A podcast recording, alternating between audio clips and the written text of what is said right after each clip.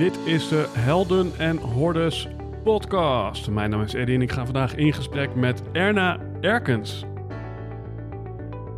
In de zomer van 2016 ontdekten we dat we een schakel waren in een netwerk van mensen die wij Conscious Business Founders zijn gaan noemen. Bijzonder gemotiveerde ondernemers die echt voor durven te staan. Ook als dat inhoudt dat ze daar alleen voor staan. Die 200% toewijding willen geven voor 1% groei en zeggen: Dit ben ik en dit is mijn bijdrage aan een meer gebalanceerde wereld. Helaas kon je niet bij al deze gesprekken aanwezig zijn. Daarom hebben we die bijzondere verhalen voor je samengebracht in deze podcast. We wensen je veel luisterplezier, maar belangrijker nog, we hopen dat jij de volgende stap gaat zetten in jouw avontuur.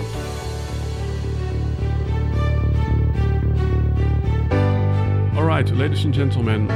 Aflevering 99. En dan bedoel ik niet het aantal luchtballons wat in de lucht zweeft volgens dit mooie liedje, maar misschien wel het aantal inzichten wat je gaat krijgen uit deze aflevering. Want in deze aflevering leer je hoe niet verliezen eigenlijk gelijk staat aan winnen en hoe de kleine dingen des levens misschien wel de grote dingen zijn voor jouw geluk. En als we het dan toch hebben over de kleine dingen die het doen in het leven, zou het dan ook niet zo zijn dat die kleine regel boven jouw stuk tekst belangrijker blijkt dan die tekst eronder? Dat die enkele kaftbladzijde van jouw boek belangrijker is dan het boek dat erachter hangt? Of dat enkele etalagestuk in jouw etalage wat belangrijker is dan jouw winkel? Dan hoor ik je denken, ja, dat is niet waar. Maar stel nou dat die eerste indruk niet aanslaat. Dat je niet buitengewoon binnenkomt met die eerste indruk. Komen mensen er wel aan die tweede indruk toe? Met andere woorden, lezen ze jouw boek wel? Of je tekst, of komen ze je winkel wel binnen? Nou, daar heb ik een mooi boekje over geschreven met de naam Enkele zinnen over dubbelzinnigheid. Waarin je leert om zinderende zinnen te schrijven waarmee je buitengewoon binnenkomt bij jouw ideale klant. Gratis te downloaden onder eddyboom.nl slash e-book. Uiteraard vind jij dit boekje in de shownote van deze aflevering. Net zo trouwens als de tekst die ik nu ga oplezen. Want tot hier heb ik alles uit mijn hoofd gedaan. Maar vanaf hier lees ik het gewoon van een blaadje voor, namelijk de shownote. Komt hij dan? Erna Erkens is valutacoach voor MKB en helpt internationaal handelende ondernemers om grip te krijgen op hun winst. Met ruim 40 jaar ervaring in het beheren van valutarisico's staat ze vooral bekend om haar recht door zee aanpak, eenvoudige taalgebruik en duidelijke uitleg. Virtueel drinkt zij dagelijks rond 10 uur een kopje koffie met haar klanten om het financiële nieuws door te nemen. Dus pak jou tussen haakjes virtuele kopje koffie erbij. Schuif virtueel gezellig aan bij dit gesprek om over mogelijkheden en onmogelijkheden te praten rondom de kleine dingen in het leven die eigenlijk de grote dingen zijn, waaronder vreemde valuta. Ladies en gentlemen, Erna Erkens. Alright, beste luisteraar en welkom aan boord Erna Erkens. Dankjewel. Yes, Erna, we, we zitten in aflevering 100, volgens mij. Ehm, als het gaat om de audio, uh, in ieder geval. De video uh, werd iets later in gang gezet. Dus uh, misschien heb ik ook in de vorige gedacht dat het aflevering 100 was. Ik ben af en toe de tel kwijt, maar inmiddels weet ik statistisch, dit is echt aflevering 100, nu we dit opnemen. Dus een bijzondere aflevering. dus nou, er valt iets te vieren, dus misschien wordt dit een heel feestelijk gesprek. Um, en dat gesprek voer ik met jou, Erna. Ik voel me vereerd. Ja, uh, op de honderdste Helden en Hoorders podcast. Ja, en nou, waar wij zijn gestart, dat is eigenlijk grappig. Uh, dat is volgens mij twee of drie jaar geleden in de zaal bij Elko de Boer. Klopt. Uh, met alle respect, maar ik wist niet meer precies wie ik daar gezien had. Want er kwamen heel veel mensen achteraf naar me toe lopen. Maar jij had mij wel gezien. En ja, toen had het universum ons zo'n twee jaar later weer bij elkaar gebracht bij een uh, fotoshoot van uh, Wijnand Geuze, die ook in deze podcast is geweest. Klopt. Toen zijn we gaan samenwerken. Dus ik mag jou nu helpen met een stukje propositiewerk en uh, short copy, met een mooi woord. Ja, en nu zitten we hier in een setting dat het allemaal om jou draait. Dus misschien even in een nutshell, een kleine uitdraai voor de luisteraar. ja, wie is Erna en wat doe je? Uh, nou, mijn naam is Ene Erkens, dat had ik al gezegd. En wat ik doe is, uh, ik help internationaal handelende MKB-bedrijven die in de financiële markten een risico hebben. En dan met name valutarisico's. Dus dat wil zeggen, stel dat jij importeert vanuit de Verenigde Staten, dan krijg jij een factuur in dollars, maar jouw boekhouding is in euro's. En dan wil je graag, dan moet, zit altijd ergens iets van een omzetting in, een valuta-omzetting, want je moet die dollars in euro's waarderen. Ja. Nou, heel veel bedrijven gaan voorbij aan dat risico. En die komen aan het einde van de rit ineens met een, uh, een extra winst. Dat is natuurlijk prima. Maar het wordt pijnlijker als je ineens een mooi contract dacht afgesloten te hebben. En aan het einde van de rit, doordat de dollar duurder geworden is, heb je ineens een verliescontract. Ja. Nou, die risico's, dat zijn vaak risico's die in, die, in dat soort bedrijven niet zo uh, uh, duidelijk beheerst worden. En met mijn 35 jaar ervaring in het bankwezen heb ik gedacht dat ik dat na de carrière bij de banken zou kunnen aangrijpen om mijn kennis en ervaring voor dat soort bedrijven in te zetten. En zodanig te zorgen dat er geen uh, onnodige verliezen geleden worden. Ja, want, want dat is meteen uh, waar ik hem nu even wil oppakken. Hè, ik kan me voorstellen dat sommige luisteraars garen spinnen op, op een heel specifiek onderwerp als valutarisico's. En tegelijkertijd zou dat ook kunnen betekenen dat heel veel luisteraars nu denken: nou, dit is mijn, niet, niet mijn kopje thee, dus uh, Eddie, ik zie je weer bij de volgende aflevering. Klopt. En toch is dat waarschijnlijk helemaal niet waar. En dat is ook de reden waarom je hier aan tafel zit, wat mij betreft. Want er zitten heel veel lagen in, hè? Want um, we hebben het eigenlijk over onnodig verlieslijden. Klopt. En dat is misschien een, ja, een veel holistischer thema dan alleen... oh, de euro verhoudt zich vandaag anders tot uh, de dollar... en daardoor, uh, nou ja, gaat mijn bedrijfswinst wellicht uh, ja, een beetje, wordt, wordt veel, ja, een beetje bedrukt eigenlijk. Ja. Want um, ja, misschien wel interessant van hoe, hoe ben je in zo'n niche terechtgekomen? Want dat is het toch feitelijk wel. Nou, eigenlijk gewoon doordat een ex-collega van mij, toen ik in 1980 begonnen ben bij uh, Pierson, Heldering en Pierson, die bank, die bank bestaat al lang niet meer en die is opgegaan in, eerst in uh, de, de samengang van Bank Pierson Heldering en Pierson en Bank Meesnopen. En uh, op die afdeling, die heette toen valuta-rekeningen, daar werkte mevrouw en die werd zwanger. En dat was in die tijd nog zo, dat als je in die tijd zwanger werd, in het begin tachtiger jaren, dan was dat gelijk het einde van je carrière. Want dan werd je moeder en dan ging je weg bij je, bij je, wer bij je werkgever. Ja. En, zo, en in die tijd moesten we nog handmatig alle contracten tikken, gewoon op de typemachine. Mm -hmm. De deposito's en de aankoop van vreemde valuta. En op enig moment kwam daar de automatisering in. En ja, dan hoefde ik niet meer die contracten uit te tikken. En toen ben ik dus in het commerciële stuk gerold. En er is gebleken dat ik daar blijkbaar wel interesse uh, en gevoel voor had. Ja, want, want nou ja, hè, we, wij werken ook samen. En ik denk dat. En, en dit, dit is wat, ja, een inzicht wat ik zelf ook uh, nu ervaar. Nu ik wat meer bezig ben met ook uh, beleggen en geld voor je laten werken. Dat, nou ja, waar, waar, waar je het feitelijk over hebt, is bijvoorbeeld uh, je koopt vandaag iets, of je bestelt iets uit Amerika. Maar ehm, dan krijg je vandaag een offerte, maar over een maand um, vindt de, de, daadwerkelijke transactie plaats. Maar, maar dan staat die dollar ineens heel anders ten aanzien van de euro. En dan denk je, ja, waar gaat het nou over? Want die dollar is misschien van 89 cent naar 90 cent gegaan. Maar misschien goed van, ja, en wat gebeurt er dan op zo'n moment? Nou, ik heb, uh, um, toevallig is het zo, als je uh, een risico loopt op jaarbasis, bijvoorbeeld op jaarbasis van bijvoorbeeld 1 miljoen dollar, en de euro-dollar verandert 1 cent, dan is dat op zo'n bedrag al 7500 euro tegenwaarde. Ja. Heb je het dan over 5 cent, wat op jaarbasis en soms op maandbasis helemaal niet raar is dat die koers zoveel verandert, dan heb je het al over een koersverschil van 36.000 euro. Ja. En um, om een voorbeeld te geven, toen ik nog bij ABN AMRO Bank bewerkte, uh, ging ik wel eens bij klanten op rekeningen kijken of ze ook betalingen deden naar het buitenland. En dan kwam ik een heleboel betalingen tegen uh, ten laste van de eurorekening naar de Verenigde Staten. En dan ging ik die klant bellen en dan zei ik, ja, meneer of mevrouw, uh, ik zie dat u nogal wat betalingen doet naar de Verenigde Staten ten laste van uw eurorekening.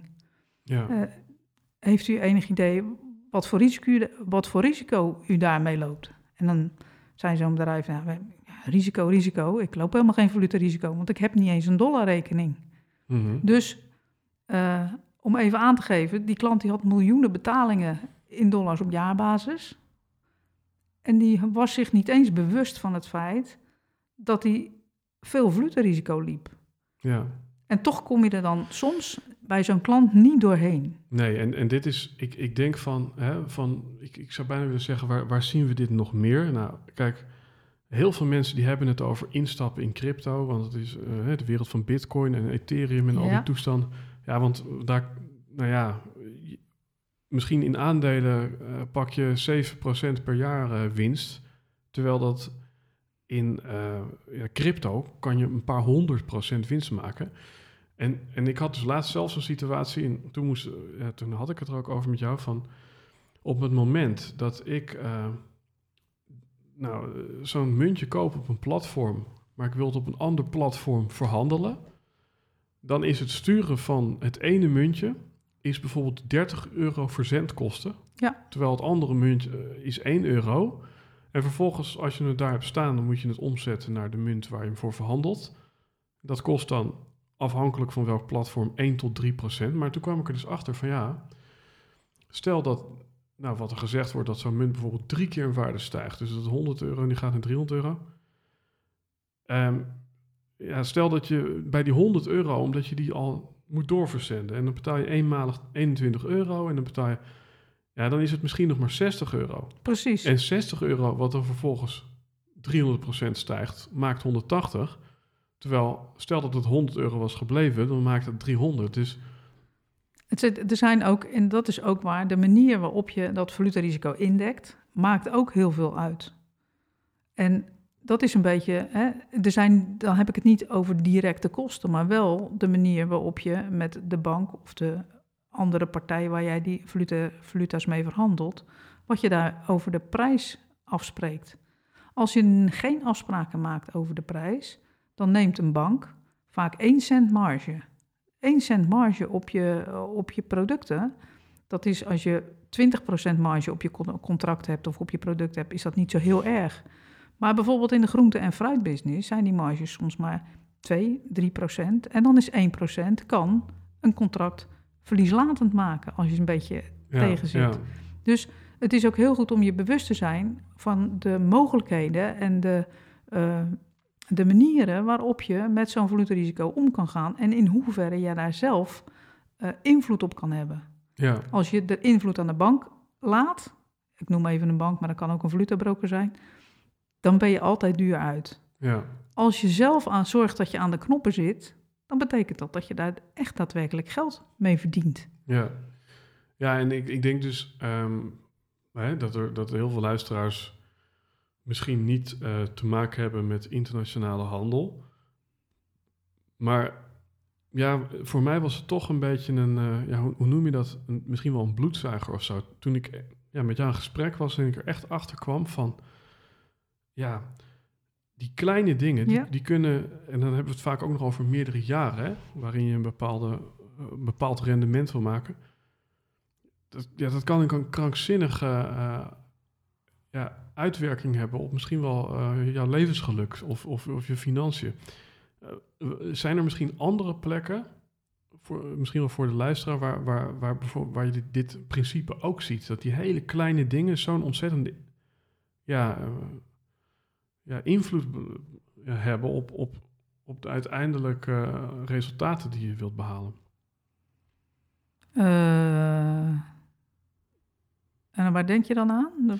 Aan, welke vlakken? Ik bedoel, eh, wat je zelf net zei, is over, die, hè, over het geld overboeken van het ene platform van crypto's naar, de Mhm. naar het andere platform kost heel veel geld. Ja, Als je heel vaak handelt, dan betekent dat dat je dus en op, op verschillende platforms, ik weet niet wat het meervoud is, platforms, ja, dat is het wel, geloof, geloof het goede Ja. meervoud, platform. Eh, dan ben je, als je niet uitkijkt, meer aan kosten kwijt dan dat je aan koerswinst realiseert. ja, ja. Dat is, en daar ga je vaak aan voorbij. Je kijkt, nou, de, de koers van, eh, van iets is A en eh, ik verkoop het voor B. Nou, dan heb ik het verschil tussen A en B aan winst. Ja. Maar als ik iedere keer moet betalen via verschillende platforms, dan ben ik die winst misschien alweer kwijt. Ehm, ja, het zijn in het hele leven vaak de kleine dingen die eh, grote verschillen maken. Ja.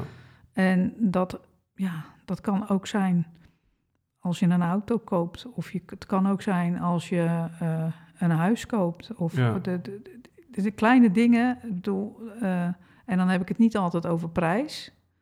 Maar gewoon de, de inhoud van dingen. Wat, hè, wat is de inhoud?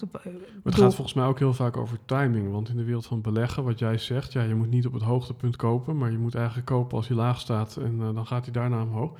Maar volgens mij een huis, ja, uh, in de huidige markt is, is misschien zes, zes maanden vanaf nu, is een huis twee keer zo duur, uh, nou dat is overdreven, maar kan behoorlijk veel duurder zijn dan vandaag. Absoluut, absoluut.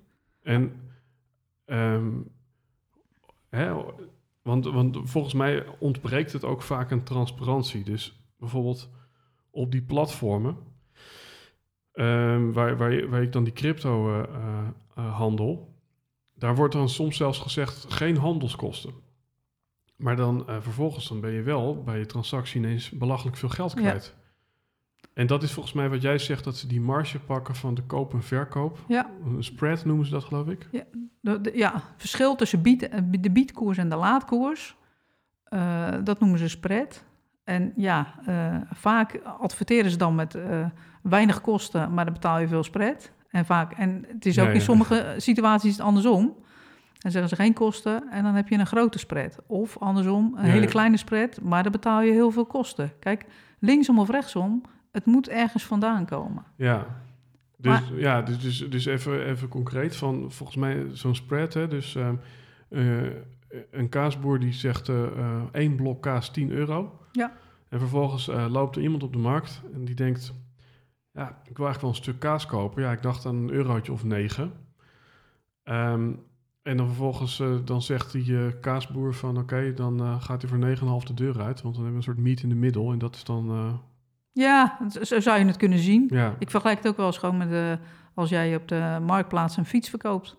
Bedoel, ja, dan zeggen ze soms staat het tegen elk aannemelijk bod. En uh, soms biedt iemand uh, 30 euro voor die fiets. Ja. En uh, dan zeg je van nou, dat is goed.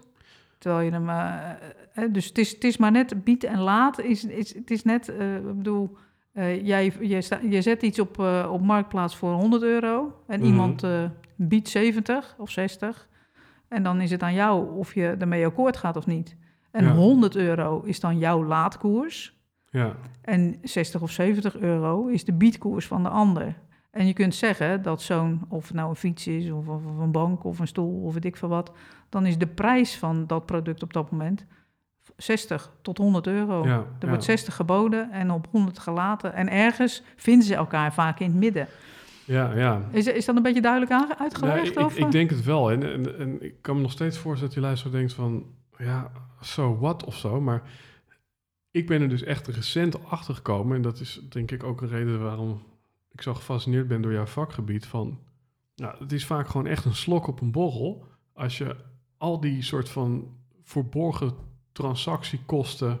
Ja, als, als je door hebt hoe dat werkt, weet je Ja. wel. Ik kwam er laatst ook achter dat een zakelijke bankrekening... iedere keer dat je pint of geld overmaakt, dan kost dat geld.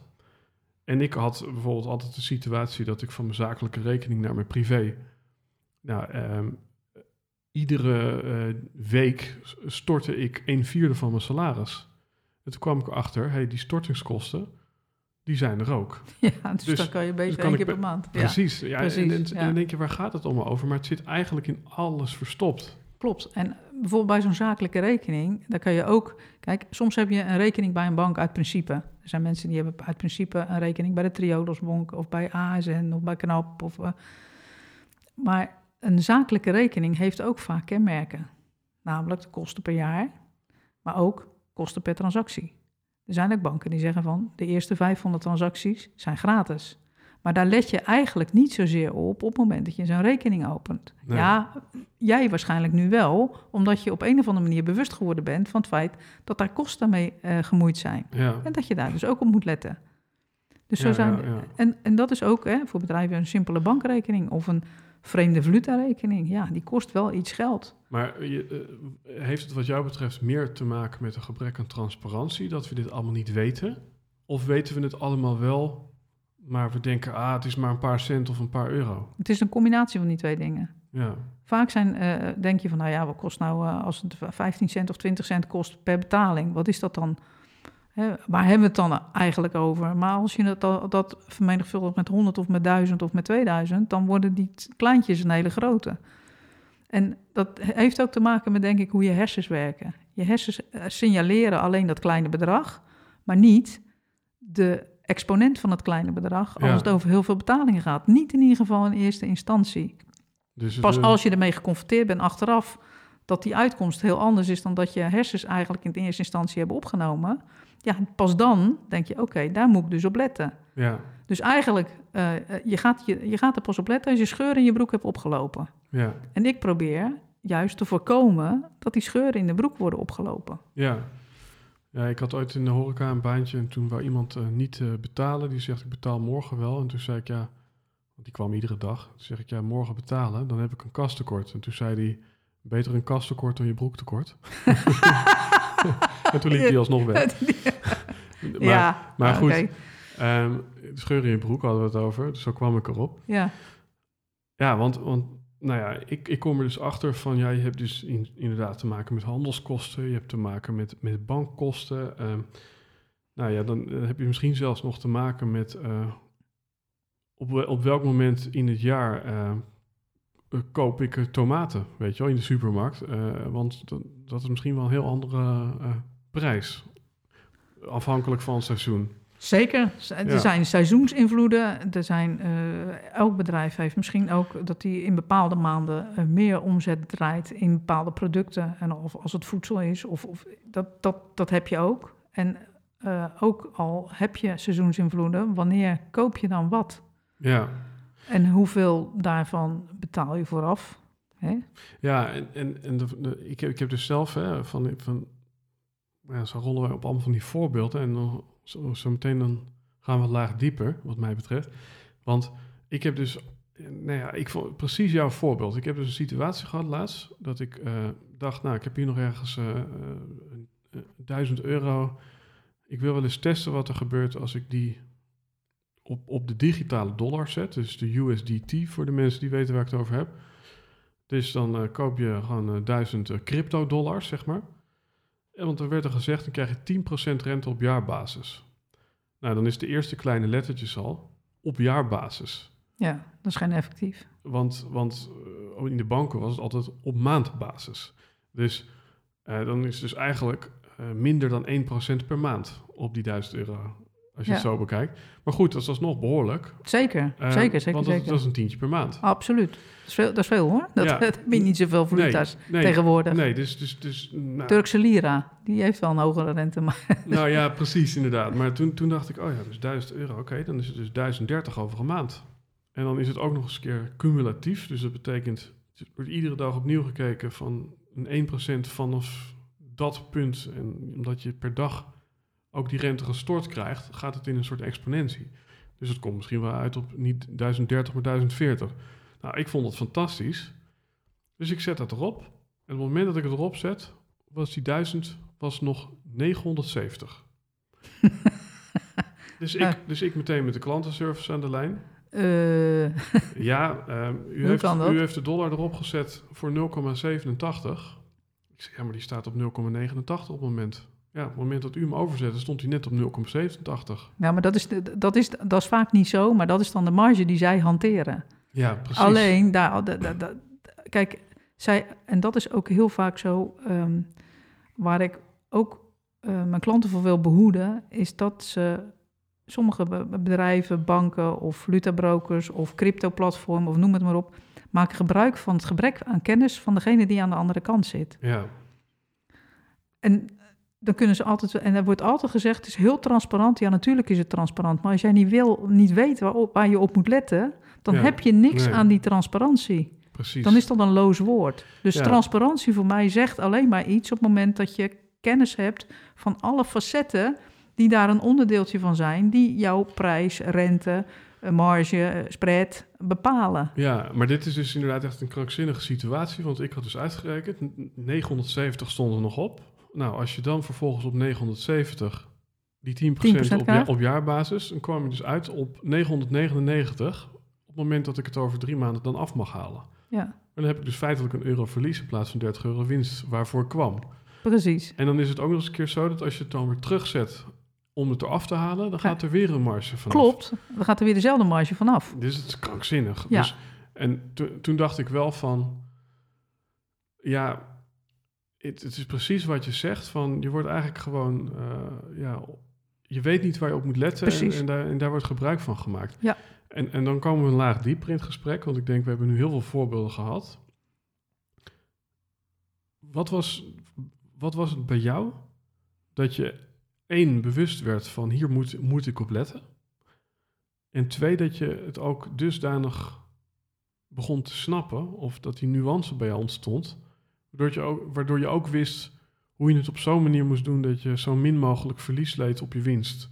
Of misschien wel met een belegging een zakcentje in je broek eh, kon steken, waar inmiddels een scheur in zat.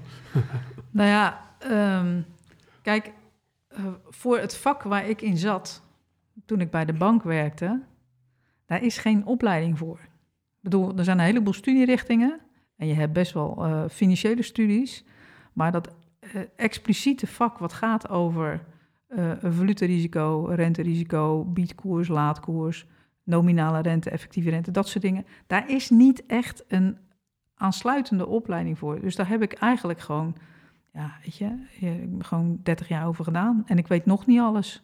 Maar Mhm. ik weet wel veel meer waar ik op moet letten. Ik heb een heleboel in die rugzak gestopt de afgelopen 40 jaar. Waarvan ik dacht, van, oké, als een klant dit moet doen, als die deze business, sorry, als die deze business doet, Mhm. dan moet ik daar, bij die klant moet ik daar op letten. Ja. En als die die business doet, dan moet ik bij die klant daar op letten. Dus ja. het zijn allemaal facetten die je, eh, ja, die je in je rugzak hebt zitten en die jou een lampje geven op het moment dat je met een klant praat of een klant, iets leest over een klant waarbij je zegt, oké, eh, oh, die moet dus daarop letten.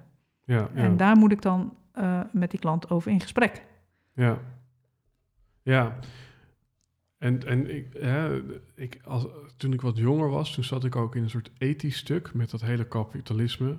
Ik vond eigenlijk, ja, ik was in de overtuiging, mensen moeten gewoon werken voor hun geld.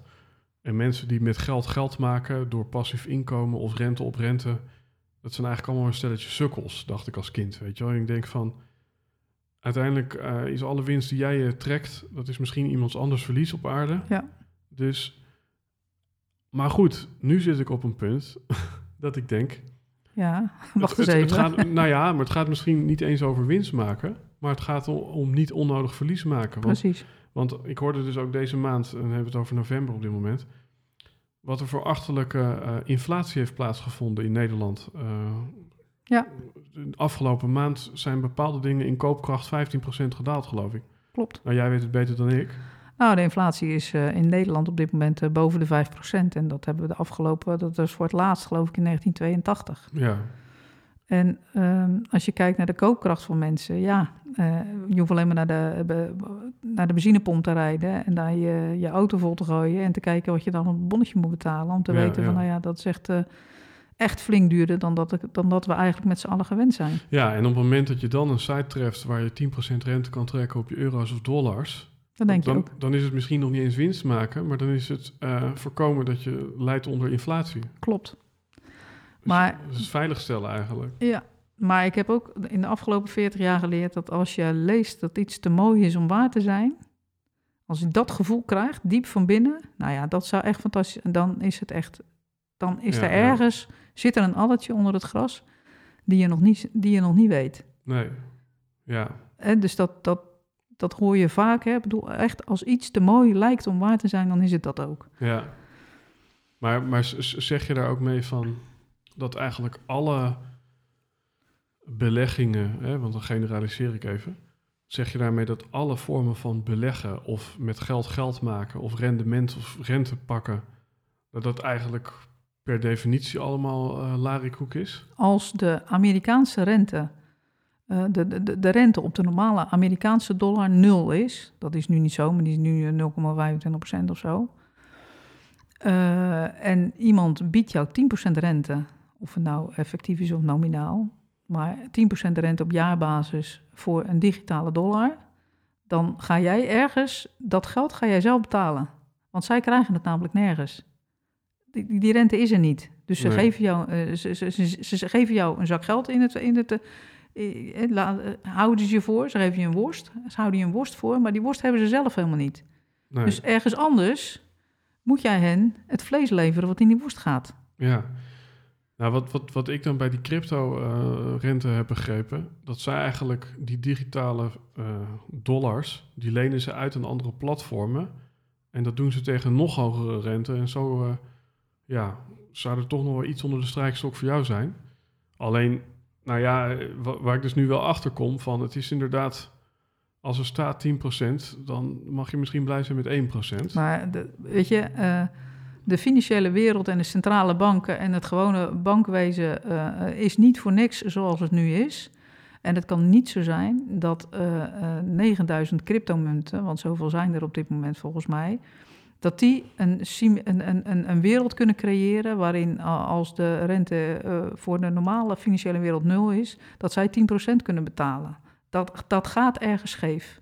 Dat klinkt te mooi om waar te zijn. En natuurlijk, en als zij die dollars uitlenen aan een andere uh, platform, dat kan. Ik bedoel, maar dan moet dat platform wel toevallige dollars willen hebben. Als dat platform dollars over heeft, en alle platforms hebben dollars over, en er komt gegarandeerd een tijd dat dat een keer zo is, want zo zit nou eenmaal die wereld in elkaar, dan, dan, dan, dan krijg jij nooit die rente. En ik weet niet hoe ze dat dan doen. Mhm. Maar dan noemen ze het misschien, uh, dan gaan ze misschien de overboekingen weer duurder maken, of de rekening, of de, de, de, nou ja, ik weet allemaal niet, een wallet. Of, ja. weet je, het kan gewoon niet. Het bestaat niet dat, dat, uh, uh, dat die, noem ik het maar even, secundaire financiële wereld, dat soort rentepercentages kan, percentages kan betalen. en dat dat en dat, dat, dat moet ergens vandaan komen. Dus dat, dat, dat gaat niet door uh, weg te geven uit, uh, aan andere platformen. En, dat, zou, zou het niet zo kunnen zijn, hè? Dus even, dat, dat bijvoorbeeld, stel nou dat het wel zo is, hè? Dat, dat, dat wij wel gewoon echt 10% rente pakken. En, en dat wij spreken een marginale hoeveelheid mensen, laten we zeggen in Nederland, dat 10.000 mensen dat doen. Nou, vervolgens hebben zij jarenlang 10% cumulatief rente gepakt. En die hebben misschien van 1000 wel 3000 euro gemaakt op die manier. Ja, vervolgens treden ze met die 3000 weer, weer toe tot, uh, tot de supermarkt. Maar dan is mede doordat zij zulke hoge rente hebben gehad, ja, is, is, is er zo'n inflatie ontstaan dat je voor 3000 euro hetzelfde koopt als je toen voor 1000 kocht. Precies. maar stel, okay, je moet je voorstellen, stel dat, je, uh, dat die digitale dollar dat die, uh, uh, dat die echt 10% rente geeft. En dat iedereen daar vertrouwen in heeft. Dan heeft er toch niemand meer een normale dollar. En dan is dat effect toch weg. En, en dus gaat alles door 10 qua, qua koopkracht. ja. ja. ja. Dus, dus dat kan helemaal niet. Nee. Dus als je ergens iets vindt, en, en dan, pff, bedoel, als je het iets tegenkomt, dan moet je maar een mailtje sturen of bellen van, joh, hoe zit dat? Uh, en dan, bedoel, soms weet ik het ook niet.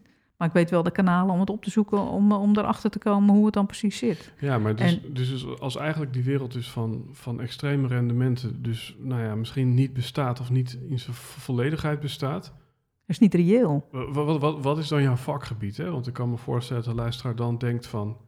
Nou, als je toch nergens een, eh, een knaak kan vangen, uh, waarom voeren jullie dit gesprek dan? Nou, het, het, gaat er niet om dat je uh, knaken wil vangen. Kijk, als je iets, bedoel, als je rendement maakt, als je kijkt, als je naar aandelen kijkt, ik bedoel, als jij een bedrijf hebt wat gewoon goed in elkaar zit en wat aandelen heeft uitgegeven en wat een behoorlijke uh, koers-winstverhouding heeft, die past binnen uh, het bedrijf en niet koers-winstverhoudingen. Er zijn ook, je kunt zeggen van, nou ja, in het verleden is het zo, als een, als een bedrijf een koers-winstverhouding heeft van tussen de 10 en de 15, dan zou je kunnen zeggen: oké, dat, is dat is koopwaardig. Sommige bedrijven, met name de big tech bedrijven, die hebben allemaal echt belachelijk hoge koers-winstverhoudingen. Betekent dat nou dat je ze niet moet kopen? Nou, nee, soms niet. Dat, dat, dat heeft Apple bewezen, dat bewijst Microsoft. Maar goed, het is wel goed om je te realiseren uh, hoeveel de winst moet stijgen voor een bedrijf om ergens ook weer een aandelenkoersstijging te ondergaan. Mhm. En uh, financiële wereld is voor 80% vertrouwen. Dus realiseer je als het vertrouwen verdwijnt, dat zie je ook in de bitcoin terug. Hè? Ik bedoel, die hebben laatst uh, nog een, vier weken geleden een nieuw record neergezet. En nu is het weer, het is zomaar binnen een maand is er zomaar weer 20.000 dollar afgegaan. Door Ja, een gebrek aan vertrouwen. Ja, Financiële werelden uh, bestaan uh, bij de gratie van vertrouwen. Mhm. En als het vertrouwen verdwijnt, in wat dan ook, dan gaan die koersen, en of het nou een dollar is, of een euro, of een Turkse lira, of een bitcoin, als het vertrouwen weg is, dan gaat die koers naar beneden. ja, En het is goed om je bewust te zijn van dat dat bepalend is. ja. Dat is een, mooie one-liner. Vermogen is vertrouwen. Vermogen is vertrouwen. Ja, ja, Absoluut. Dat geldt voor je huis ook. ja. Dat geldt Ja, voor alles. ja. Hoe, hoe, hoe, hoe sta je dan tegenover? Hè? Want we hebben het niet voor niets allemaal over die crypto. Ehm, ik geloof dat er nu een stuk meer me- mensen zijn ingestapt. Ik heb wel eens gehoord dat de .com-bubbel, of de .nl-bubbel... Ja, begin 2000. ja dat, World- dat, dat die... Nou, World Online. Misschien zeg ik het getal verkeerd, maar het was in ieder geval 12. En volgens mij was, was er 12 triljard toen in, in omloop in die .com-sferen. Met, met koop en verkoop van domeinnamen. Nou, zo, zoiets heb ik begrepen. Wat ik ook heb gehoord, is dat die crypto-wereld is het nu op, geloof ik, 3 triljard op het moment dat we dit opnemen. Nee, ik heb wat dan een beetje moeite met de triljard en triljoen. Het, eh, eh, eh, eh, ik, ik ben natuurlijk in de Engelse... De, Oh ja, ja, ja, de, de cryptomarkt, de, kapita, de marktkapitalisatie van cryptomarkt is nu 2000 miljard dollar. Twee, eh, dus ja, dan, dan, dan Ik klopt. weet, Nou, ik weet dan dan, niet... dan was het waarschijnlijk inderdaad 3000 eh, miljard een maand geleden. Omdat het dus nu het vertrouwen is gekelderd met, een met een flinke dreun. Ja, dus dat koers- zou kunnen. Dus die marktkapitalisatie van totaal... En, en dat is in anderhalf jaar, in, iets, in iets meer dan een jaar, is het vertienvoudigd. Ja. Ja. Dat is echt belachelijk. Ja, maar, maar dat is dus die .com-bubbel. Dus dan weet ik zo goed als zeker dat hij dus in ieder geval ooit het marktkapitaal op 3000 triljard heeft gestaan in crypto. Een paar maanden geleden of, of zoiets. Ehm, maar wat ik dus gehoord had, is dat er dus 12.000 triljard ooit op het hoogtepunt in omloop was in de .com-bubbel. Nou, en of dat nou precies dat getal is, dat weet ik niet. Maar toen zei dus een een of andere expert... Ja, er was dus eigenlijk toen, en dan hebben we het over een hele tijd geleden, al vier keer zoveel in omloop in een hype dan nu. Dus was zijn voorspelling dat die crypto-bubbel in ieder geval eh, die .com-bubbel gaat aantikken. Dus dat het marktkapitaal van crypto van een 4 nog keer 4 kan gaan. Dat, dat, dat, dat concludeerde hij daaruit. Oh, dat, dat... Kijk, zei ik eerder al tegen je. Ik weet niet of ik het... eh, er zijn 9000 cryptomunten op dit moment. En eh, je hebt tegenwoordig ook... Ik weet niet of die ook bij de cryptomunten horen... die non-fungible tokens. Dat ze eh, bepaalde voorwerpen eh, of schilderijen of... eh, NFT's, ja. NFT's, ja. ja. Dat die ook verhandeld gaan worden. Ik bedoel, ja, je kunt, we kunnen alles. En Ja. dat soort dingen, dat soort handel bestaat uit hoofden van vertrouwen. ja. Dus En wat even voor de luisteraar, eh, wat, wat is een NFT? Zou je dat kunnen non, eh, ja, ik heb er ook een hele tijd over gedaan om echt te snappen wat het is. En ik, nou ja, het is, no- het is Mhm. voor mij nog allemaal een beetje schimmig. Maar bijvoorbeeld is het zo als eh, een bekende kunstenaar een, een, een, een kunstwerk heeft. En dan maak je daar een foto van. Die bijvoorbeeld? Ja, oh prima. En dan maak je daar een foto van en daar maak je een non-fungible token van. En dan zeg je van, nou, oké, deze foto kun je kopen voor, weet ik veel wat, voor iets, voor Ja, geld. Dus het is eigenlijk een digitaal schilderij waar er maar één van is. Ja, zo zou je het kunnen zeggen, ja. Ja. En, da- en, da- en dat creëert de waarde. Ja, uniek. Ja. En, zo, en eh, er worden ook eh, voorwerpen eh, gedigitaliseerd en, en verhandeld. Het, weet je, die wereld is voor mij, wat dat betreft, is die wereld voor mij wordt een beetje ongrijpbaar. Ik denk, ja, we kunnen alles Ja, wel gaan veranderen, jongens, kom op. Maar we moeten nog steeds onze boodschappen met een euro betalen in de, Ja. eh, in, in de supermarkt. En we leven nog steeds van, eh, hè, we moeten wonen in een huis en we moeten boodschappen doen bij de supermarkt. Ja. En we moeten ons verplaatsen met iets, of een fiets, of een, een brommer, of een eh, auto, elektrisch, of, of gewoon Dat is je- op zichzelf wel weer een interessant thema. Hè? En Nou ja, het is misschien wel even leuk om deze nu in te gooien. Ik heb dus, als je het hebt over domeinnamen, heb ik dus van de week iemand gesproken. Er zijn dus nu ook NFT-domeinnamen. Dus non-fungible token domeinnamen. Nou, wat betekent dat nou? Het is niet helden en hordes.nl, maar het is, die bestaat dus nu, helden en hordes.crypto. En dan kunnen mensen dus een vrijwillig bedrag aan crypto, zonder, waar we het net over hadden, handelskosten. Omdat het dus niet op een bank staat, maar het komt direct in het helden en hordes portemonneetje. Dus er zit niet... Een helden en horde wallet. Ja, ja nou, dat, dat is, het, dat is ja, het. Een Dat is het. Ja, dus, dus, dus en, en dan kunnen mensen dus, nou ja, een donatie op heldenhordes.crypto voor deze gratis afleveringen geven als ze dat leuk vinden. En toen zei iemand weer tegen mij, ja, maar nu heb jij gewoon voor een normale naam gekozen. Maar stel dat jij een, een Nederlands woord wat nog niet is geclaimd. Nou, eh, neem even iets als bij wijze van spreken, nou, waar we het net over hadden, bank.crypto. Ja, noem maar wat. Nou, dan schijnt die koop je voor 40 dollar.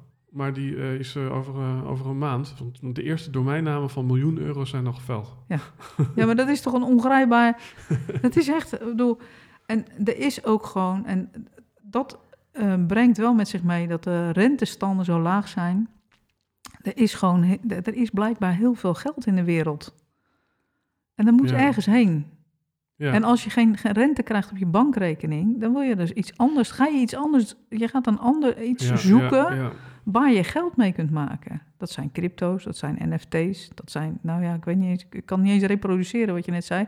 De, doma de domeinnamen, Ja, NFT domeinnamen. NFT-domeinnamen. Ja, Ja. weet je, ik bedoel, het Maar- geld het klotst af en toe tegen de plinten, want het gaat Ja, in het ja. bedrijfsleven nog steeds. Nou ja, weet je, er zijn een aantal onderdelen door de corona die nu buiten de boot vallen. Dat zo, zoals er zijn de horeca en de reiswereld, maar er zijn ook heel veel bedrijven die garen spinnen bij eh, eh, de tijd waar we nu in leven. En met of zonder corona. En ja, het, het geld klotst tegen de plinten en het moet ergens heen.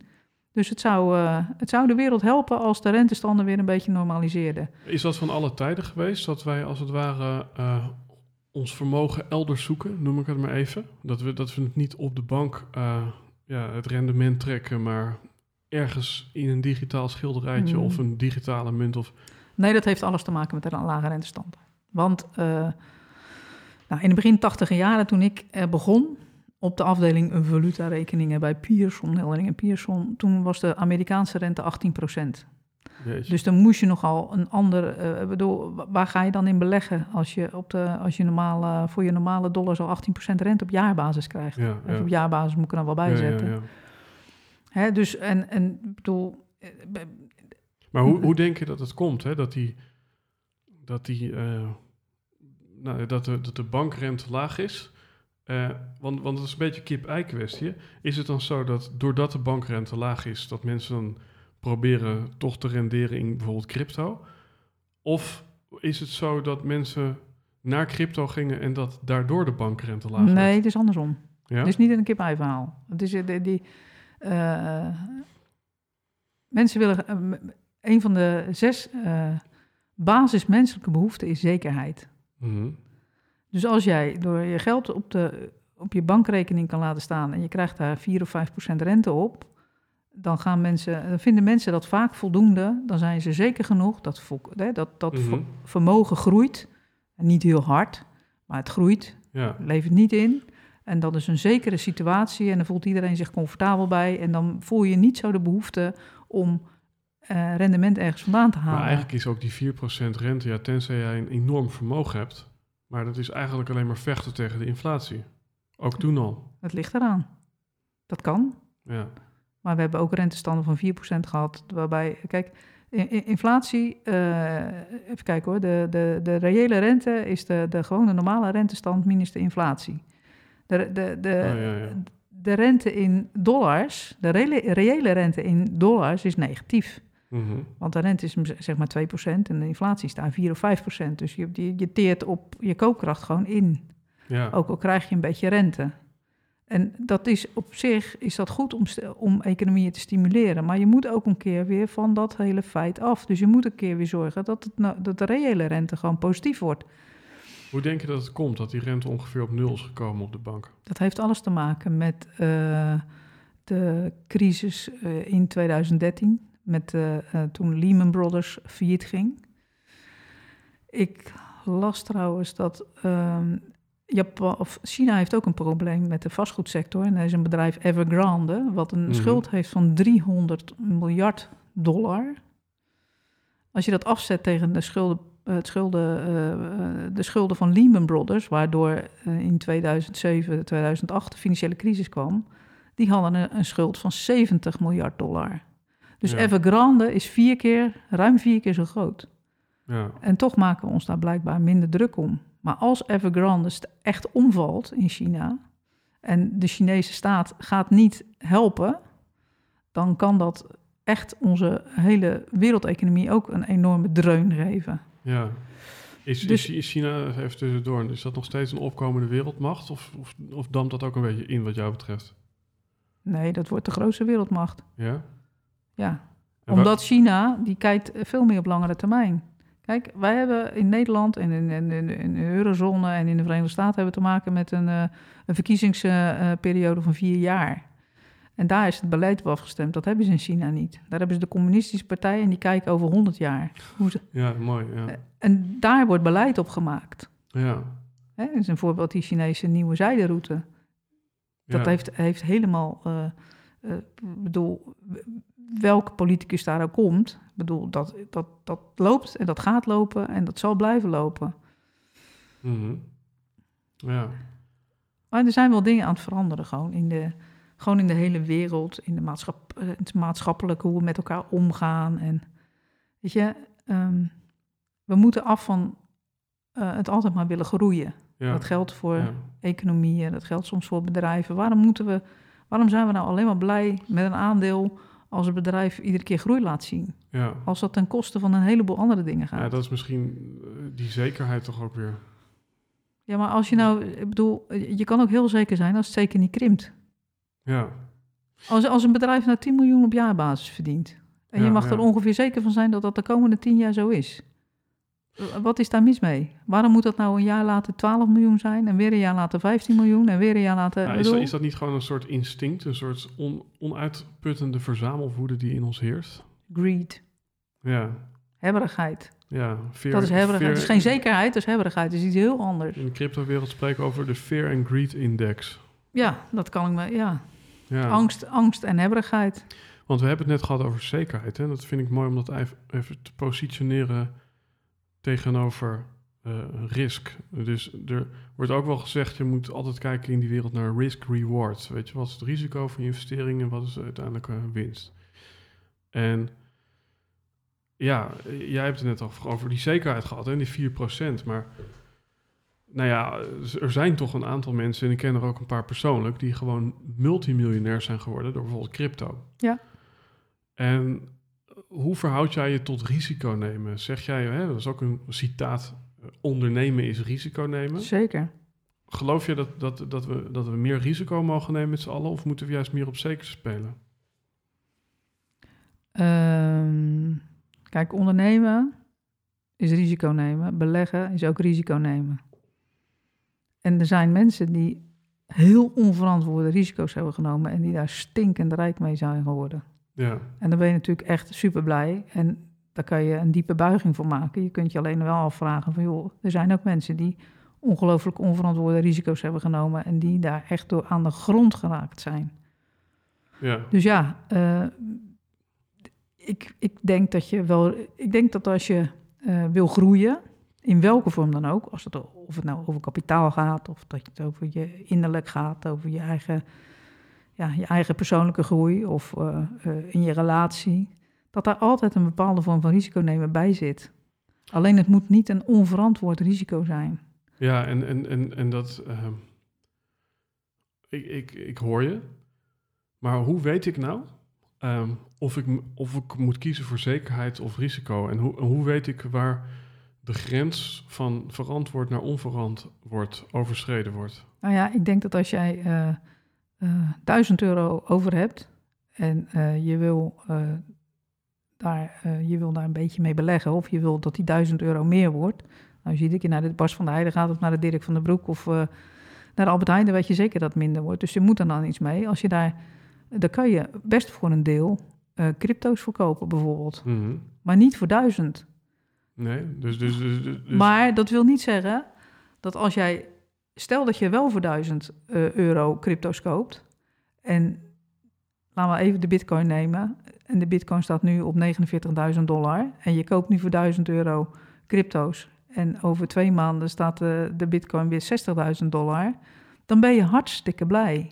Mhm. En dan heb je van je 1000 dollar... heb je al 15 of 1600 dollar gemaakt. Mhm. Dus dan kun je zeggen, oké, goed gedaan. Je, ben, je, je, je, je hebt risico genomen. Alleen Ja. dat is een onverantwoorde risico. Je vermogen had ook gegroeid als je bijvoorbeeld maar voor 300 euro bitcoins had gekocht. Ja, En dan had je die 700, die kan je dan gewoon, ja, die laat je op de bank staan. Het, het gaat erom de balans vinden tussen eh, risico nemen en toch een bepaalde vaste basis hebben, waardoor je je gewone leven ook kunt voortzetten. Ja, maar als de koopkracht met 8% per jaar daalt, hè, dat heb ik wel eens gehoord, Mhm. dan is die 700 op de, op de bank laten staan, is eigenlijk ook een risico. Want die wordt iedere, ieder jaar minder waard. Jawel, maar als jij iets koopt wat eh, daalt van, eh, als jij duizend stopt, als jij iets koopt eh, wat in koers daalt, dan kan je een week later of twee weken later of een maand later helemaal niet meer bij de, bij de Albert aan je boodschappen doen, want je geld is op. Ja, Dus dat, daar gaat het om. Hè, Ik bedoel, dan kan, de koopkracht kan wel dalen en dan kan je kapitaal wel minder worden, maar je hebt nog wel geld om boodschappen te kopen Ja. en om je benzine te kopen. En als je onverantwoord iets koopt wat heel snel in koers daalt, dan heb je zelf dat niet meer. Kan je hypotheek niet meer betalen. Dus dan is koopkrachtdaling is wel vervelend, maar het geeft je wel een bepaalde zekerheid om gewoon je leven nog voor te zetten. Ja, Hè, want je gaat er ook weer een keer geld. Hè? Je, je verdient ook geld. Ik bedoel, je krijgt Mhm. over een maand krijg je weer salaris. En dan heb je weer. bedoel, het is niet zo dat je. eh, eh, ja, als je, je, je nergens. Dat, dat is bijna niemand in Nederland die per maand geen geld krijgt. We krijgen altijd wel iets.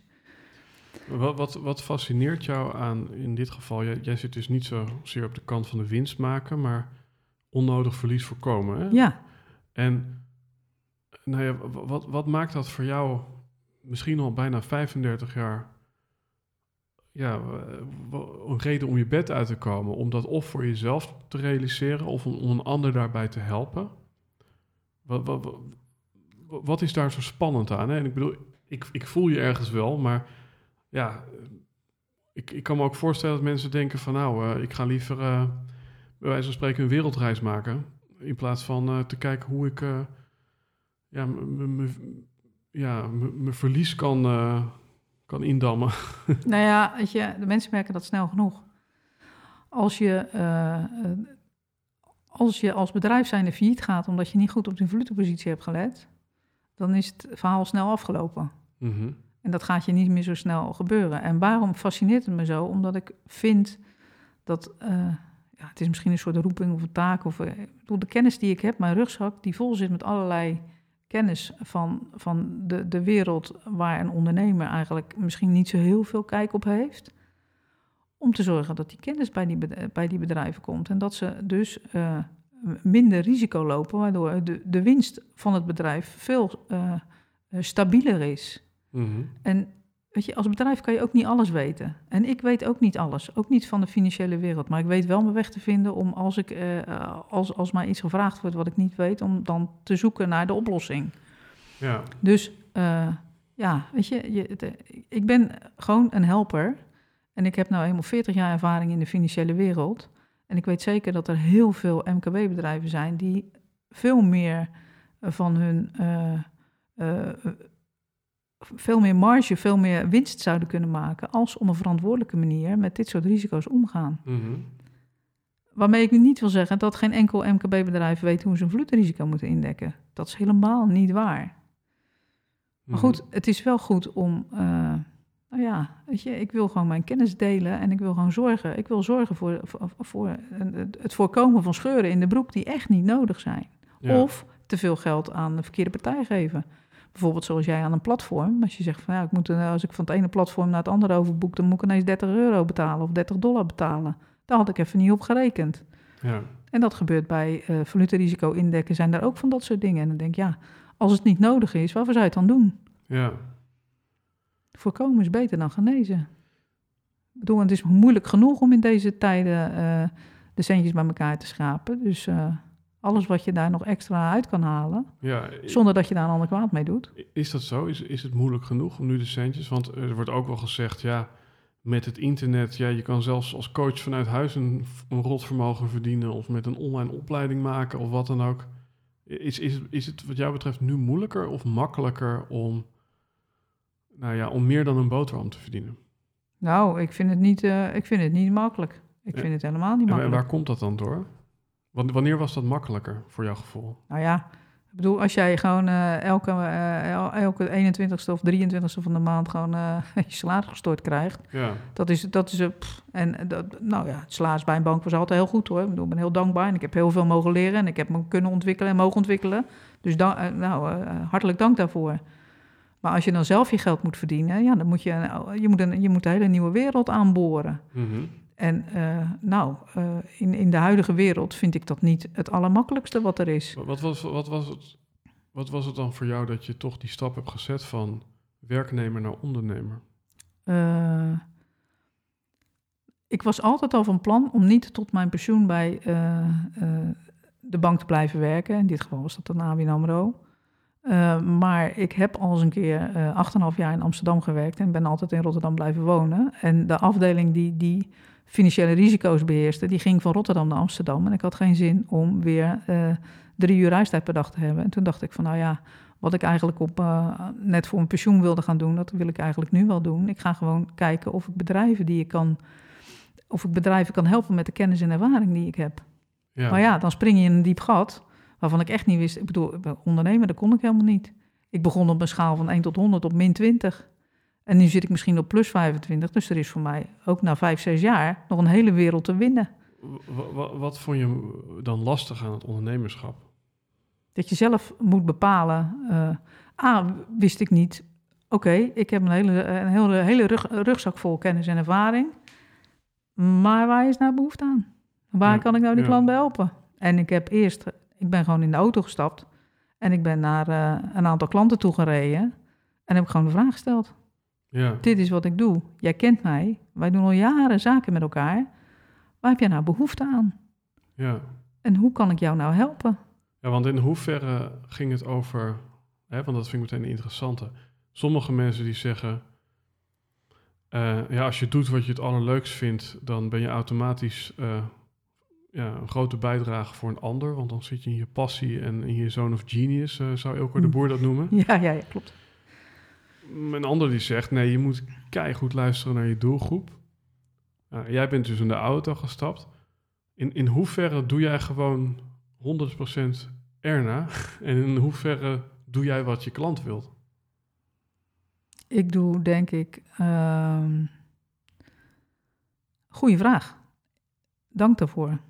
Moet ik echt even heel goed op na. Ik denk, ik doe, ik doe 80% eh eh erna en 20% doe ik eh, Mhm. waar de klant behoefte aan heeft. Dus die, die verhouding 80-20, die is goed geregeld. Ja, mooi. En die is opgebouwd uit een aantal dingen.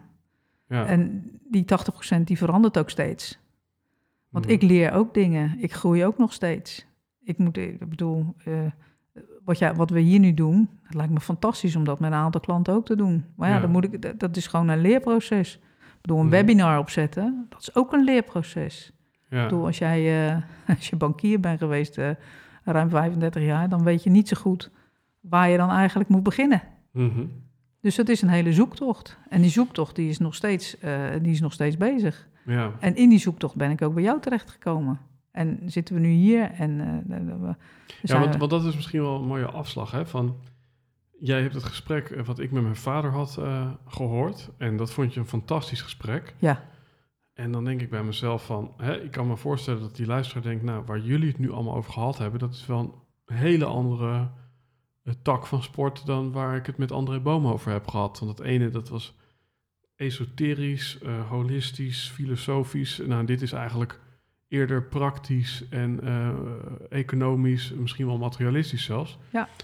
Wat is geld voor jou? Als je, eh, misschien heb je wel eens nagedacht over een definitie van... geld is een manier van eh, Geld verschaft je eh, eh, de, de, de mogelijkheid van het leven. Dat, gewoon je boodschappen doen. Wonen. Voor wonen heb ik geld nodig. Voor mijn boodschappen doen heb ik geld nodig. Maar als je aan de andere kant van de wereld woont, dan heb je misschien helemaal niks nodig. Dan kan je gewoon leven van wat er groeit en bloeit. En, en, je, je schiet dus een, je schiet wat wild en, en dat, dat maak je. Je maakt een vuurtje en dan doe je dat. Maar ehm, eh, ja, geld is een, een, een, een middel. Geld is geen doel. Geld is een middel om een Ja. bepaald doel te bereiken. Het en dat ene gewoon- keer, ja. en de ene keer kan het doel A zijn, de ene keer kan het doel zijn boodschappen doen, de andere keer kan het doel zijn eh, een nieuwe auto kopen, de andere keer. eh, geld is een middel om eh, je, ja, je eigen groei te financieren eigenlijk. Dat is denk ik wel ook een, een, een manier. Grappig, want zoals je het net ook schetst, hè, er zijn- culturen die gewoon nou, direct dat hert eh, eh, omle- Ja. omleggen. En dan zou je eigenlijk kunnen zeggen, wij Westerlingen, wij zetten eigenlijk iets, namelijk geld, tussen wat we werkelijk behoeftig zijn en onszelf. Toch? Want Ja. ik bedoel, je kan ook gewoon direct inderdaad dat hert eh, te grazen nemen of die bramenstruik. Maar wij zetten er als het ware iets tussen. En ja, wat ik dan zelf wel interessant vind, waar ik nu op kom, van ja, we zetten er iets tussen, wat we dan aanzien voor het hoofddoel. Maar het is eigenlijk alleen maar een onzichtbaar ja, eh, verkeersdrempeltje wat tussen mij en, en, en het vangen van het hert staat. Maar, maar ik vang hem niet, maar ik betaal hem. Ja, maar het bestaat ook alleen maar bij, bij, bij de gratie van het vertrouwen. Want als jij mijn geld niet vertrouwt, dan ga je, mij geen, ga je me niks leveren eh, voor dat geld. Ja, Dus ja, en, en dat is historisch zo gegroeid. Ja, ik bedoel, eh, ooit eh, zijn mensen... je, ja, vroeger was er ruilhandel. En Ja. daar is geld tussen gekomen. En dat heeft zich eh, ja, eh gezetteld tot wat het nu is. Zou je daarmee ook, dat is misschien een heel filosofische eh, afslag eventjes hoor, maar nou ja, geld bestaat bij de gratie van vertrouwen. We zeiden eerder al, vermogen is vertrouwen. Ja. Ehm, zijn we geld meer gaan vertrouwen als, als de spullen die we echt nodig hebben in het leven? Zou je dat kunnen zeggen?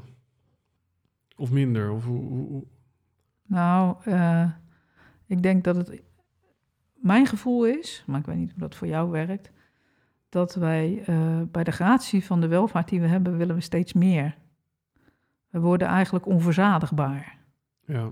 En geld is een middel om die onverzadigbaarheid eh, te, te, te kwantificeren of te bereiken. Mhm. Dat, dat, dat is wat geld doet volgens mij. Dus, dus als, als, als, als meer geen kernwaarde van jou is, want ik denk dat we dat wel mogen zeggen. ehm, waar zitten jouw kernwaarden dan wel? Want jij zit wel in die wereld van valuta en, en dus e- economie en geld.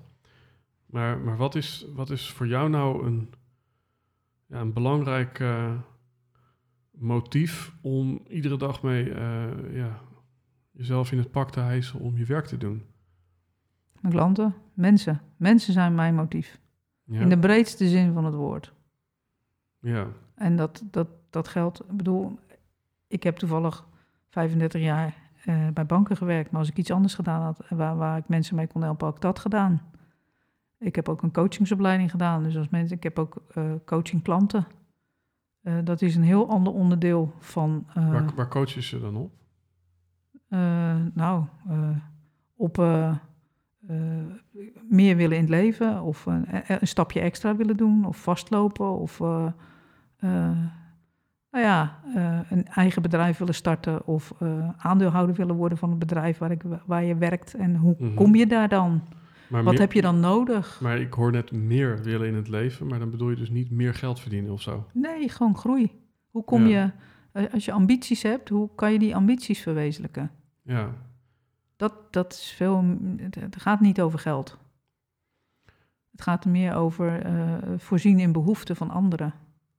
En als, als anderen daar moeite mee hebben, te kijken hoe je die dan, eh, waar je een deurtje open kan maken, waardoor dat weer verder kan, een onderdeel kan zijn in een stukje extra. Is, is eh, ja, hè, als we kijken naar de jonge Erna, was dat iemand die bij wijze van spreken veel bezig was met bijvoorbeeld economie of geld? Of was hij juist heel erg bezig met mensen? Ik was aan het voetballen, Ja? ja. Alleen maar En, en, en, en, sporten. en, en, en hoe kwam je dan uiteindelijk eh, ja, terecht in, in, in een bank? Ik had eh, in vijf jaar mijn HAVO-examen gehaald. En ik wilde eh, eigenlijk eh, bij de politie. Maar ik ben ooit, toen ik elf jaar, op mijn arm, eh, toen ik elf jaar was, op mijn arm gevallen. En daarbij is een zenuw geraakt. Dus ik kan mijn linkerarm niet helemaal goed gebruiken. Ik heb in het dagelijks leven helemaal geen last van. Alleen als je een zware kast moet tillen. Maar dan... en toen stond ik ineens met een HAVO-examen op straat. Terwijl ik of bij de politie of voor een fysiotherapie. Nou, dat ging allebei met die arm niet goed. En toen dacht ik, ja, weet je. Toen heb ik gewoon eh, de gouden gids, weet je wel, die hadden we vroeger nog, de gele Mhm. gids. Heb ik, heb ik opengeslagen. Dan heb ik eh, verzekeringsmaatschappijen en eh, banken heb ik, eh, opgezocht. En heb ik een open sollicitatiebrief nagestuurd. En eh, daar kwam toevallig een bank uit. We- we- ja, het- waarschijnlijk weet je niet meer. Weet je nog wat erin stond? Ik bedoel, waarom, waar- waarom hebben ze je aangenomen? Weet ik, niet, ik, ik heb gewoon gezegd van, nou ja, eh, ik eh, ben Anne Erkens, ik ben 17 jaar oud. Ik sta nu met een eh, HAVO-diploma in mijn zak en eh, ik wil graag eh, werken en leren. Dus nou, misschien hebben jullie wat aan mij. Ja, En ik vind het, nou, een bank leek me interessant. Had ook een verzekeringsmaatschappij kunnen worden. Maar ja, blijkbaar, wat, wat daar nou, waarom ik nou niet eh, de, de Albert Heijn heb aangeschreven, weet ik niet. nee, want het grappige is, hè, het, het klinkt bijna alsof het je overkomen is. En heel veel mensen, ook ja, in de wereld van eh, persoonlijke ontwikkeling, die zeggen van ja, het vinden van je passie en zelfs je ikigai, het een mooi woord en weet ik wat allemaal nog meer. Maar bij jou, het klinkt een beetje alsof het, nou ja, een soort van, eh, ik probeerde A en B en uiteindelijk werd het C. Ehm, en toch ben je iemand die intrinsiek gemotiveerd is voor wat je nu doet. Hè? Want in het voorgesprek vertelde je mij dat je op dagelijkse basis CNN kijkt om te kijken misschien wat de koersen zijn, wat de economische ontwikkelingen zijn. Dus ja, er zit nu toch volgens mij een, een intrinsieke motivatie eh, rondom jouw vakgebied. Ja, ik vind het reet interessant. En als Ja? je niet, en als je, als je loslaat, bedoel, de wereld verandert zo snel, de financiële wereld ook. Maar niet alleen de financiële, maar eh, dus als je niet bijblijft, ja, dan, dan, raak je achterop. En dan kan ik niet meer betekenen voor bedrijven wat ik nu beteken. Dus het is voor mij ook een soort noodzakelijk kwaad. Ja, het is niet echt kwaad, Mhm. maar ik, ja, ik moet wel. eh, ik wil ook gra- gewoon graag weten wat er speelt. Want dat Ja. geeft mij de eh, zekerheid de, de, dat ik weet waar ik over praat. Maar, maar kan je dan gefascineerd kijken dat Bitcoin van 49 naar 51.000 dollar gaat? Of, of, of zit jouw fascinatie meer in, oeh, nieuwe variant. Wat doet dat met de wereldeconomie? En dan hebben we het even over het virus. Eh, combinatie van dingen. Ik bedoel, ik, eh, ik kijk elke dag naar de bitcoin. Zelfs nog net voordat we begonnen. Eh, voordat we deze podcast begonnen, heb ik nog even... Ja, dat is een soort beroepsdeformatie, noem het maar. Ik ben gewoon nieuwsgierig. Ik ben ook heel erg nieuwsgierig. Ja, Ja, dat is ook wel een eigenschap bij mij. want op dit Die- moment bezit jij geen Bitcoin, toch? Nee, Nee, en dat, ik kan me voorstellen dat, dat, dat, dat de meeste mensen alleen maar kijken als het, als het bezitten. Ja, maar waar, dat ik het niet bezit is eigenlijk een bewuste keuze. Waarom ik het wel wil gaan doen, en ik heb het me ook voorgenomen om te doen, heel klein basis, is omdat ik wil weten hoe het werkt. Mhm. Ik wil weten hoe het werkt met een wallet en van ook aankopen en verkopen en op verschillende... Ik wil gewoon eigenlijk op mijn bek gaan met de bitcoin. Want dan weet ik waar ik op moet letten. ja. Of met de, met de Ripple of met de Ethereum. Dat maakt me niet zo heel veel uit. Ehm, en waarom ik het niet doe, waarom ik geen posities heb in bijvoorbeeld euro-dollar of in ponden, is omdat dat eh, mijn beeld naar klanten toe vertroebelt. Als ik namelijk denk dat pond meer waard wordt en ik, en ik ga ze kopen en ik krijg een, plan, een klant aan de lijn die vraagt aan mij van joh, ik, ik, ik krijg ponden binnen, wat moet ik daarmee? dan ga ik naar mijn eigen positie praten. Want ik heb namelijk een mening en op die mening heb ik gehandeld. Dus dat haalt mijn objectiviteit weg. Dat wil ik niet. Dus omdat ik objectief wil blijven naar mijn klanten toe, ik heb nooit een belang. Maar volgens mij is er ook een platform, eh, eh, hoe heet het ook alweer? Plus of zo? Plus 500? Ja, plus 500, ja. Waar je gewoon met fictief geld eh, kan, eh, kan handelen, toch? Ja, maar dat, dat eh, ik, ik- Of, of, ga je, of ga je dan ook een relatie aan met, met iets? weet ik niet. Kijk, ik, ik, ik wil mijn mening vormen op dingen die ik lees, hoor, zie... en niet omdat ik iets heb of omdat ik iets tekort kom. Dat kan Ja. Dat wil ik niet. Dat beïnvloedt je. eh, Ja, dan ben ik niet meer objectief en kijk ik naar andere dingen dan. eh, je hersens werken zo, dan, dat ze, dan, dan hebben ze andere dingen nodig. Ja, ik, ik vind het eigenlijk heel grappig, hè? Want, ehm, nou ja, dit, dit, dit staat wellicht, eh, ik, ik snap hem volledig, maar het staat ergens haaks op, op wat je vaak hoort. Hè? Ik heb ooit een keer een budgetcoach eh, geholpen, Mhm. eh, die uiteindelijk moest afzeggen omdat hij geen budget had om met mij te werken. Nou ja, dat is natuurlijk de ironie. Ja, en dat is net zoiets als een fietsenmaker die lopend eh, naar zijn werk gaat omdat hij een lekker band heeft. ja. Ja, je zou kunnen stellen van, ben jij dan eigenlijk niet ook eentje in die categorie? Maar volgens mij is het juist integendeel. Nee, dit- dit- dit- ik zeg het ook altijd tegen klanten. Ik heb geen belang en daarom kan ik jou objectief adviseren naar, jouw, naar wat jouw belang is.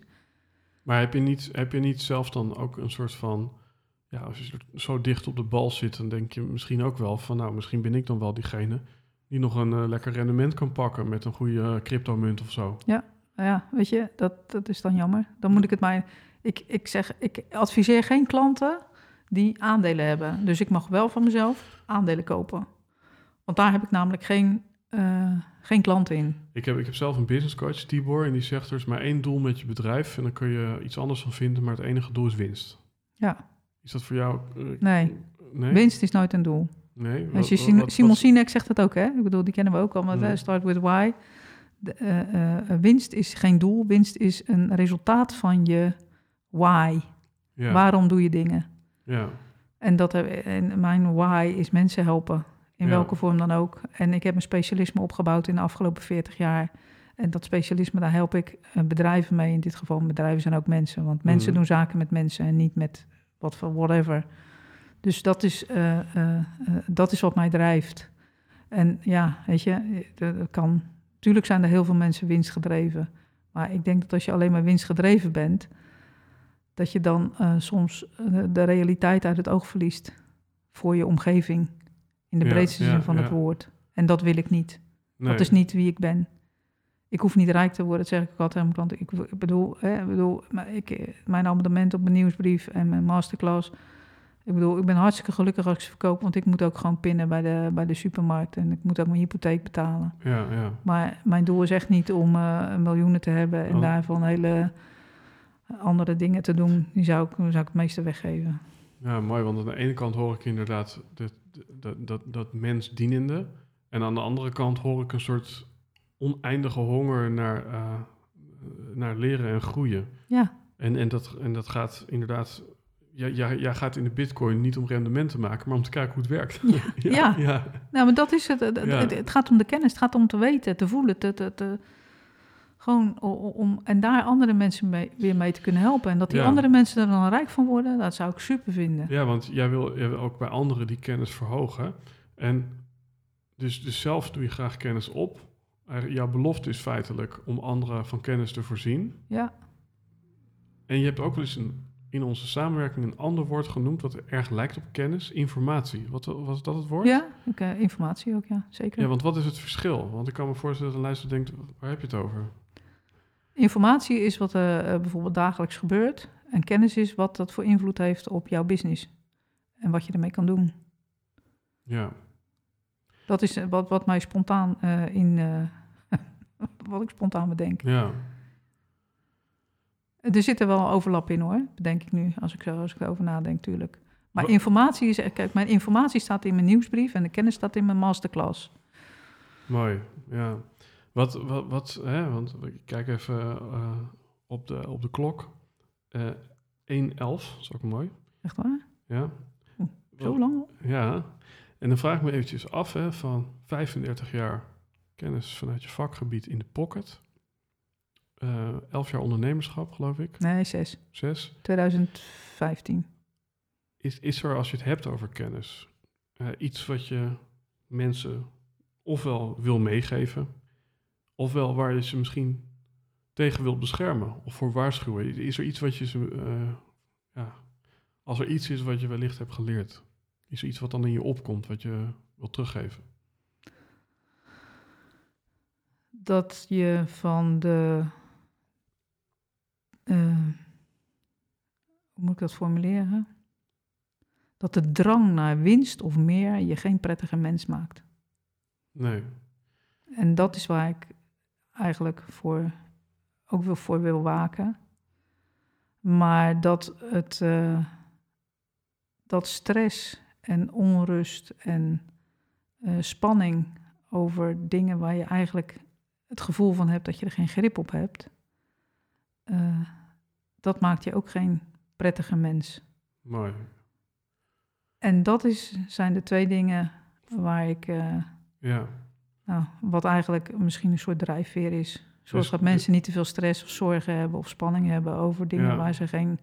Ja, waar, waar- waarvan de kennis. Ik bedoel, ik word ook onrustig als ik iets moet doen waar ik geen ver- verstand van heb. Of wat ik. eh, dat, dat, dat, voel je in je buik niet lekker. Dus dan moet je zorgen dat je die kennis krijgt. Want dan is dat gevoel in ieder geval weg. En dan kun je daarna kijken wat je ermee doet. Of het dan iets is of niets, dat maakt niet uit. Maar in ieder geval heb je die, heb je die in je buik niet meer. Ja, ik, en het is wel mooi wat je zegt, hè, want ik denk als je heel erg winstgedreven bent, dan ben je ook in een soort ja, tunnel beland, waardoor je misschien een heleboel andere dingen, die er ook zijn, misschien te weinig aandacht geeft. Maar als je bijvoorbeeld ja, in extreme stress van een enorme koersval eh, zit, waar, de- of, of, of een bedrijfsverlies, ja, dan ben je in beide gevallen ben je eigenlijk eh, onvoldoende present. Ja. Voor, voor je dierbare, misschien voor, voor je gezondheid. Dus uiteindelijk kom je uit, door, door op uit misschien wel dat, dat de middenweg is, een soort presence, eh, waarin je, nou ja, misschien wel in jouw geval kunt verbinden met andere mensen of, of, of mensen, Ja. mensen kan helpen. Ja. Dat vind ik een, eh, een, mooie, eh, een, een mooi slotakkoord van dit gesprek. Ik denk dat het een, eh, een enerzijds een specialistisch gesprek was. Anderzijds denk ik ook wel heel toegankelijk. Ik denk niet dat mensen totaal niet snappen waar het over ging. En als er een keer een vakterm voorbij kwam, dan, dan is die mooi toegelicht. Is er misschien nog iets wat er niet is gezegd of besproken, wat je, wat je toch nog even zou willen delen?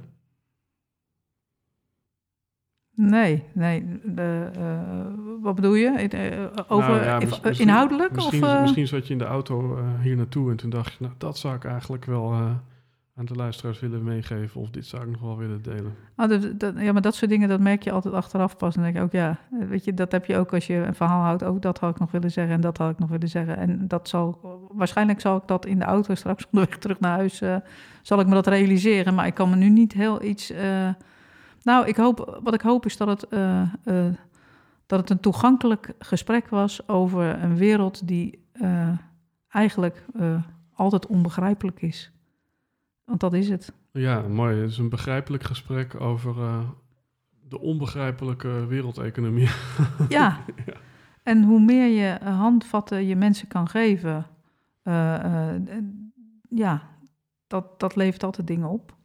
En ik vond, nou, ik vond het een leuk gesprek. Volgens mij de tijd is wel heel snel gegaan. Ja, nee, dat is een, alleen maar een heel goed teken. Volgens mij staat er ook heel ontspannen bij. Is er, eh, ja, de rest vindt de, vindt de luisteraar in de show note, is er één link? Hè? Misschien willen mensen lid worden van jouw nieuwsbrief of je masterclass bijwonen of, of, of misschien een stapje daarvoor, iets veel kleiners. Kan, eh, ze kunnen mij opzoeken op de website en die is eh eh, valuteadvies.nl. Daar kun je mij vinden en daar staan ook alle andere linken die eh, wijzen naar een masterclass of een nieuwsbrief of een gratis periode of eh, wat voor eh, behoefte er dan ook is. Een workshop, training, sparren, alles kan, maar niks moet. Tof, de rest eh, vind je in de show note. Ja, dit was dus aflevering 100. Ehm, ja, dat betekent dat eh, voor de luisteraar dat waarschijnlijk deze of de volgende aflevering een nieuw muziekje heeft. Ik heb met mezelf niet helder gemaakt of na aflevering 100 of op aflevering 100 er een nieuw intro zou zijn. Oh, Dus ja, het is allemaal, eh, nou ja, eh, voor, voor later. Ja, op dit moment, eh, ik heb ook weer een hoop geleerd in dit gesprek. Ik denk, ja, het is denk ik belangrijk om bewust te zijn van de kleine dingen, omdat die vaak van grote invloed zijn op, op misschien wel je levensgeluk en je ontspanning.